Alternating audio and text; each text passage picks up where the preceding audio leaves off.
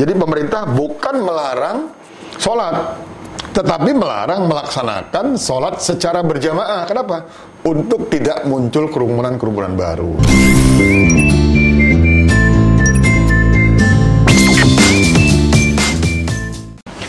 Assalamualaikum warahmatullahi wabarakatuh. Jumpa lagi bersama saya Trisno Rusli dalam programnya Podcast Cukup Pedes. Podcastnya Palpers Official yang bisa kalian saksikan di YouTube channel. Uh, acara ini juga bisa kalian dengar di aplikasi Spotify tetap dengan nama Cukup Pedes. Nah, untuk hari ini kita akan mencoba mendengarkan secara langsung strategi PPKM mikro yang berlaku di Sumatera Selatan dalam hal ini di Kota Palembang dan uh, Lubuk Linggau. Dan hari ini saya sudah bersama Kabit Humas Polda Sumsel, Kombes Pol Supriyadi. Assalamualaikum. Waalaikumsalam warahmatullahi wabarakatuh. Ya, Selamat siang pemirsa sekalian yang berbahagia. Ya, tetap sehat Bang. Alhamdulillah. Meski apa pergerakannya harus semakin lincah juga Betul. ini ketika ya. orang apa uh, harus berdiam diri di rumah sementara anggota kepolisian harus lebih ya. aktif ya. lagi mengamankan ya. uh, kerumunan-kerumunan. Nah, ya. Sejak tanggal 9 Juli kemarin kan kita sudah menerapkan PPKM mikro di Palembang dan ya. di Sumatera Selatan. Ya. Untuk peran kepolisian sendiri seperti apa nih, Bang? Uh, yang pertama perlu kita sampaikan rekan-rekan sekalian bahwa uh, awalnya kita tidak masuk dalam PPKM mikro yang diperketat. Namun seiring dengan perkembangan uh, kenaikan kasus apa eh, COVID-19 di Sumatera Selatan, kita masuk dalam PPKM mikro yang diperketat namanya ya. Itu uh, sesuai dengan instruksi uh, Mendagri nomor 17 yang sekarang sudah direvisi dengan instruksi Mendagri nomor 20. Di mana ada beberapa aturan yang harus kita laksanakan terkait dengan adanya uh, PPKM mikro yang diperketat. Uh, perlu kami sampaikan bahwa uh, kenapa ini dilaksanakan atau kita mendapat termasuk sasaran ya. Iya. Sasaran untuk melaksanakan PPKM mikro uh, mikro diperketat ada di dua kabupaten. Yang pertama di Kota Palembang sendiri, mm. kemudian yang kedua di uh, kabu, uh, apa? Kota Lubulinggal. Kota. Iya. Kalau kita lihat dari data yang ada, uh, per tanggal kemarin, tanggal 12 ya, mm. tanggal 12 itu kenaikan uh, terkait dengan dampak COVID hanya 491 Per hari ini kenaikan 400. Iya, satu hari. Masya Allah. Hari ini hari cukup memprihatinkan. Jumlahnya 781. Cukup tinggi. Ini ya. Jadi memang uh, sudah wajar berarti kita dikenakan di PPKM mikro diperketat. Hmm. Jadi rekan uh, rekan-rekan sekalian bahwa kenaikan angka terkait dengan uh, apa uh, dampak COVID-19 ini per tanggal hari ini yang 781 itu betul-betul luar biasa ya padahal kita berharap sebelum-sebelumnya bahwa kenaikan itu hanya di, eh, berkisar hanya sekitar puluhan puluhan saja Enggak sementara hari ini sampai dengan 781 iya. nah ini sangat memprihatinkan eh, terkait dengan PPKM mikro yang kita laksanakan ya hmm. kemarin Bapak Kapolda langsung meninjau ke Lubuk Linggau hmm. beliau akan memastikan apakah PPKM mikro diperketat yang dilaksanakan di dua uh, kota tadi, mm-hmm. baik itu di kota Palembang dan di kota Lubuk Linggau betul-betul dilaksanakan. Nah kemarin dibagi oleh Bapak Kapolda, yeah. Pak Wakapolda berserta tim melaksanakan pengecekan di kota Palembang. Kemudian Pak Kapolda dengan beberapa staf uh, beliau meluncur ke Lubuk Linggau untuk memastikan hmm. bahwa PPKM mikro yang diperketat khususnya di Lubuk Linggau betul-betul dilaksanakan dengan uh, sebaik-baiknya dalam rangka tadi memperkecil uh, apa uh, dampak daripada penularan COVID-19 di Provinsi Selatan. Ya. Baik, uh, uh, kalau PPKM mikro ini kan biasanya ada tim gabungan ini bang, Betul. mungkin dari pemerintah daerah, satpol pp, satpol pp, kemudian dari TNI dan polisi. Nah, pembagian tugas khusus untuk polisi ini seperti apa? Nah, seperti tadi saya sampaikan bahwa terkait dengan uh, pencegahan COVID-19 ini tidak hanya menjadi tugas daripada kepolisian saja atau hmm. daripada TNI, hmm. tapi ini merupakan tugas bersama, di mana kalau kita ketahui bahwa ada Satgas COVID-19 namanya, yeah. di situ merupakan gabungan dari beberapa stakeholder, baik itu dari pemerintahan, dari kepolisian maupun dari TNI. Nah, pemerintah cukup banyak yang terlibat, uh, misalnya dari dinas kesehatan, kemudian dari satpol pp, kemudian dari kepolisian dan dari TNI. Satgas ini uh, melakukan beberapa penertiban. Salah satu menjadi tugas kepolisian adalah melakukan penyekatan-penyekatan di daerah-daerah yang memungkinkan keluar masuknya orang melalui Sumatera Selatan. Mm -hmm. Salah satu contoh misalnya ada pos sekat yang kita miliki di perbatasan antara Lampung dan Sumatera Selatan mm -hmm. di pos pematang panggang, pematang panggang namanya ya. Di tol itu. Ya di tol itu yeah. kita lakukan penyekatan, mm -hmm. kita memeriksa bagi masyarakat yang akan memasuki atau keluar daripada kota uh, Sumatera Selatan okay. ya uh, dengan beberapa syarat-syarat yang sudah ditentukan. Salah satu contoh misalnya bagi masyarakat yang akan keluar atau masuk Sumatera Selatan dia harus memiliki dua surat. Yang pertama surat bebas rapid, mm-hmm. rapid test bahwa yang bersangkutan memang negatif uh, terpapar COVID-19. Okay. Yang kedua, yang bersangkutan harus memiliki sertifikat bahwa yang bersangkutan telah dilaksanakan vaksin. vaksin. Nah ini oh. ada dua surat yang harus dimiliki. Walaupun terkadang kita masih menemui uh, masyarakat di lapangan yang masih belum atau patuh terhadap aturan-aturan tadi. Jadi terkadang juga terjadi uh, miskomunikasi antara petugas dengan masyarakat tadi.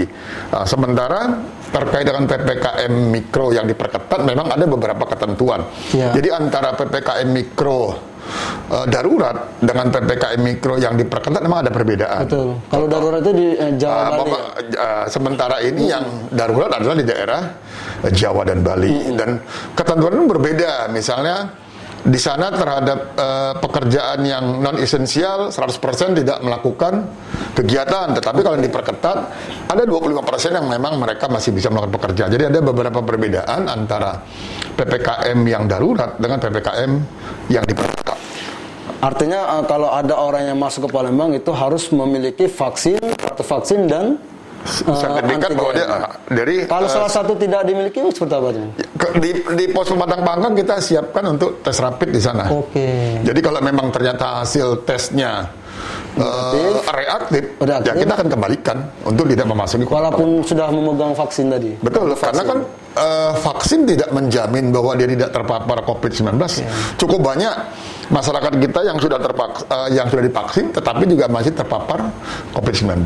Nah, ini kan sudah berjalan sudah beberapa ya. hari ini Bang, udah hampir satu minggu ya, Betul. satu pekan. Nah, mungkin evaluasinya apa nih? Temuan-temuan yang paling banyak di apa petugas lapangan apa nih? Nah, sampai dengan saat ini memang terkait dengan PPKM mikro yang diperketat di kita ini masih uh, kita temukan beberapa masyarakat atau kelompok-kelompok yang belum memahami betul apa yang dikatakan PPKM mikro uh, diperketat. Misalnya salah satu contoh misalnya di situ kan sudah ditentukan uh, jam batasan-batasan yang sudah uh, digariskan. Contohnya misalnya terhadap rumah makan sudah dibatasi bahwa pada pukul 17.00 sudah tidak boleh tutup lagi. lagi. Tetapi kita masih temui di lapangan ya antara Satgas Covid-19 dengan uh, tim yang ada masih cukup banyak kita membubarkan iya. tempat-tempat yeah. uh, makan, tempat-tempat keramaian yang sebenarnya mereka harusnya sudah tahu bahwa itu sudah tidak boleh dalam rangka tadi mencegah penyebaran COVID-19 tadi. Ya, kalian di hari pertama pun uh, Kapolres Tabus waktu ya, uh, udah meninjau, betul. udah memberikan arahan. Betul. Ke... Termasuk masih ada orang yang pesta gitu loh. Padahal sudah dijelaskan bahwa pesta, tidak pesta, ya, pesta keramaian misalnya okay. ada ah, hitanan, ada itu kan cukup banyak yang sudah kita bubarkan. Oh. Jadi mereka sudah tahu tapi tetap dilaksanakan. Padahal itu kan ini uh, yang kita lakukan ini bukan untuk kepentingan kepolisian, tetapi untuk kepentingan masyarakat. Ya tapi sebenarnya kalau terkait dengan mikro ini kan ibarat buah simalakama juga nih, Bang. Ya. Uh, untuk yang apa? Hmm. Untuk yang pedagang-pedagang seperti itu kan. Ya kalau mereka tidak jualan Terus uh, memang menjadi pendekatan dari Ya memang menjadi dilema buat kita. Tetapi maksudnya iya. Uh, kita yakin dan percaya masih banyak cara yang bisa kita lakukan untuk melakukan aktivitas uh, sebagaimana mestinya. Salah satu contoh misalnya rekan-rekan masyarakat, para pedagang bisa memanfaatkan media sosial yang saat ini uh, paling banyak oleh masyarakat. Misalnya contohnya dia uh, menjual dagangan melalui media sosial. Okay. Jadi tidak harus bertatap muka tetapi tetap dia bisa beraktivitas, bisa berdagang. Karena kan sekarang bisa dikatakan 99% masyarakat Indonesia ini seluruhnya menggunakan media sosial. Justru sekarang uh, kita membeli sesuatu tidak harus lagi ke toko. Iya. Seperti saya, saya aja kalau makan siang tidak lagi keluar saya. Masuk saya tinggal beli Gosen atau Gojek saya sudah dapat gitu loh. Iya. Jadi kan ya, tidak itu sebenarnya bagi yang yang memahami ya. itu, Bang. Cuma Makanya, kalau pedagang tradisional kan nah, ibu-ibu saya sampaikan bahwa uh, pekerjaan ini tidak hanya menjadi pekerjaan pemerintah saja ya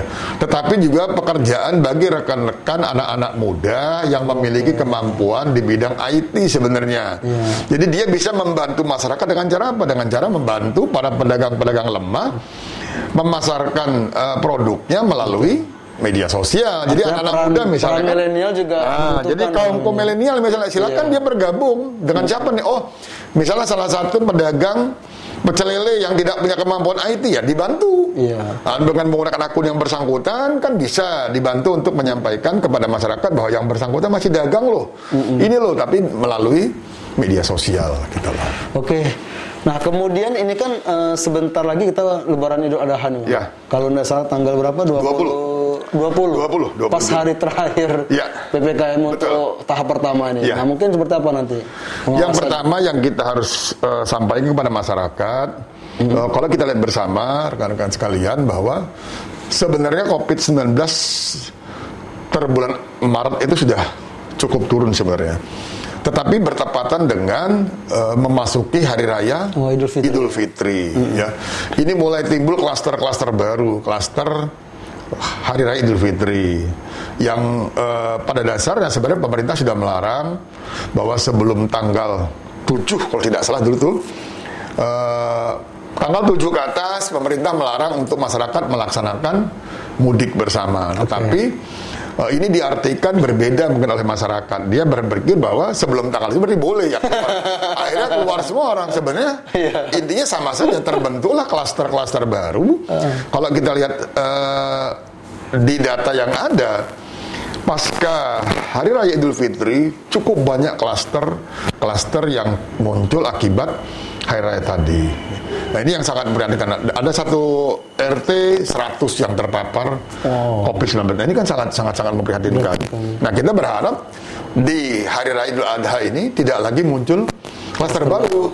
Dengan kalau kita melihat hari ini saja yang 781, kita tidak bisa bayangkan kalau nanti muncul klaster Hari Raya Idul Adha. Makanya uh, Bapak Wakil Presiden hmm. kemarin beliau mengajak seluruh kaum ulama untuk membantu program pemerintah ya dengan cara menyampaikan kepada masyarakatnya untuk tidak melaksanakan sholat id secara berjamaah di rumah-rumah ibadah dan masjid. Hmm. Jadi tetap bisa melaksanakan sholat idul adha, tetapi di rumah masing-masing. Jadi bukan dilarang. Jadi supaya di supaya masyarakat juga mengerti. Jadi pemerintah bukan melarang sholat, tetapi melarang melaksanakan sholat secara berjamaah. Kenapa? untuk tidak muncul kerumunan-kerumunan baru. Jadi silakan tetap melaksanakan ibadah, tetapi di rumah masing-masing. Oke, okay, kalau melarang sholat berarti ya pelanggaran HAM juga itu. Makanya kan disampaikan tidak melarang sholat. Bukan, ya. Yang dilarang adalah melaksanakan sholat secara berjamaah. Kenapa? Di Karena dikhawatirkan mm -hmm. uh, menjadi klaster-klaster baru atau berkumpul. Jadi jangan disalahartikan bahwa di dalam PPKM kan ada tuh Iya. Ya, jadi bukan melarang ibadah, tidak. Melarang ibadah secara berjamaah, berjamaah. tetapi ibadah sendiri-sendiri ya dilaksanakan. Artinya dari kita sendiri memastikan Idul Adha itu tetap bekerja, mengawasi, tetap. memperketat kalau kita sesuai dengan aturan kita tadi. tidak ada liburnya. Kita justru malah di hari Idul, Idul Adha nanti justru kita akan melakukan uh, pengecekan, melakukan pengawasan kepada masyarakat supaya masyarakat tidak berkumpul nantinya. Oke. Okay. Oke, okay, uh, Kombes Pol Supriyadi mungkin ya. ada pesan-pesan untuk uh, pemirsa Cukup Pedas terkait dengan peringatan hari lebaran ini seperti apa nanti? Ya, makasih jadi kepada para pemirsa Joko Pedas, kami dari pihak kepolisian Semar Selatan menghimbau yang pertama mari kita dukung program pemerintah karena program ini yang perlu kita ketahui adalah bukan program uh, untuk kepentingan pribadi, tetapi ini adalah untuk kepentingan masyarakat yang cukup luas. Jadi kita harus bisa menilai uh, apakah lebih besar uh, manfaatnya atau mudaratnya. Kalau memang itu uh, lebih besar mudaratnya lebih baik kita tinggalkan.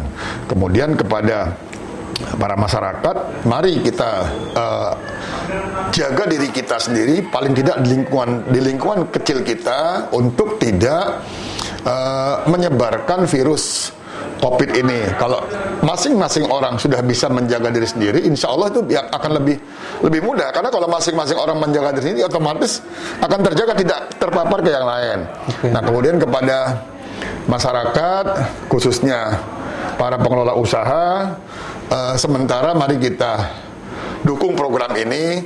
Uh, mungkin kita bisa laksanakan usaha usaha yang sudah kita laksanakan tadi dengan uh, merubah uh, merubah polanya saja. Pola bagaimana saja. cara kita berjualan, bagaimana cara kita menyajikan kepada orang. Hmm. Kalau memang saat ini memang tidak ada komunikasi langsung antara masyarakat dengan uh, antara pedagang dengan masyarakat, ya mungkin bisa digunakan pola-pola lain misalnya melalui take away atau melalui uh, GoFood atau GoSend ya, gitu. Atau jangan makan di tempat lah itu Jangan makan di tempat. Beli bungkus makan di rumah. Dua, karena gitu. kita lihat di hampir di sebagian di Jakarta, saya kemarin ke Jakarta, mm -hmm. uh, hampir seluruh rumah makan mereka tidak membuka tempat makan di situ. Mm -hmm. Jadi mereka hanya take away, kita nyampe beli langsung pulang. Jadi nggak boleh. Nah kita berharap di sini, walaupun kalau kita lihat di Palembang masih cukup cukup banyak itu iya. ya tempat-tempat apa makan, makan yang masih melayani makan di tempat gitu. Padahal ini resikonya cukup tinggi gitu loh. Ya mungkin uh, kunci dari penekanan pencegahan COVID-19 ini ya lebih ke disiplin. Ya, Karena betul. Kalau disiplin sudah melekat di kita masing-masing. Insya Allah. Kalau masing-masing menjaga nah. dirinya, saya yakin itu akan berhenti. Oke, okay, betul. Ya kan akan berhenti penyakitnya. Iya, kita berharap dengan uh, apa perketatan PPKM mikro ini ya, ya. bisa apa um, menekan lagi lah, ya, menekan lagi. Ya. Ya, Karena ini cukup tinggi sudah 781. Okay. Kita berharap bisa bisa turun ke 30, 40, ya. nah semakin Kalau bisa jangan sekali, Bang. Ya, jadi kalau, karena kalau tidak ada kesadaran dari uh, apa masyarakatnya akan akan sulit karena kalau hanya menyerahkan kepada petugas saja uh, impossible itu bisa ya. bisa turun dia gitu loh. Baik, pemirsa cukup pedas sampai di sini dulu perbincangan kita dengan Kabit Humas Polda Sumsel Kombes Pol Supriyadi langsung dari uh, ruang kerjanya uh, Kombes Pol di Polda, Polda Sumsel. Sampai jumpa di lain kesempatan. Saya Tristan Ursli. Wassalamualaikum warahmatullahi wabarakatuh. Waalaikumsalam warahmatullahi. Terima kasih banyak. Terima kasih.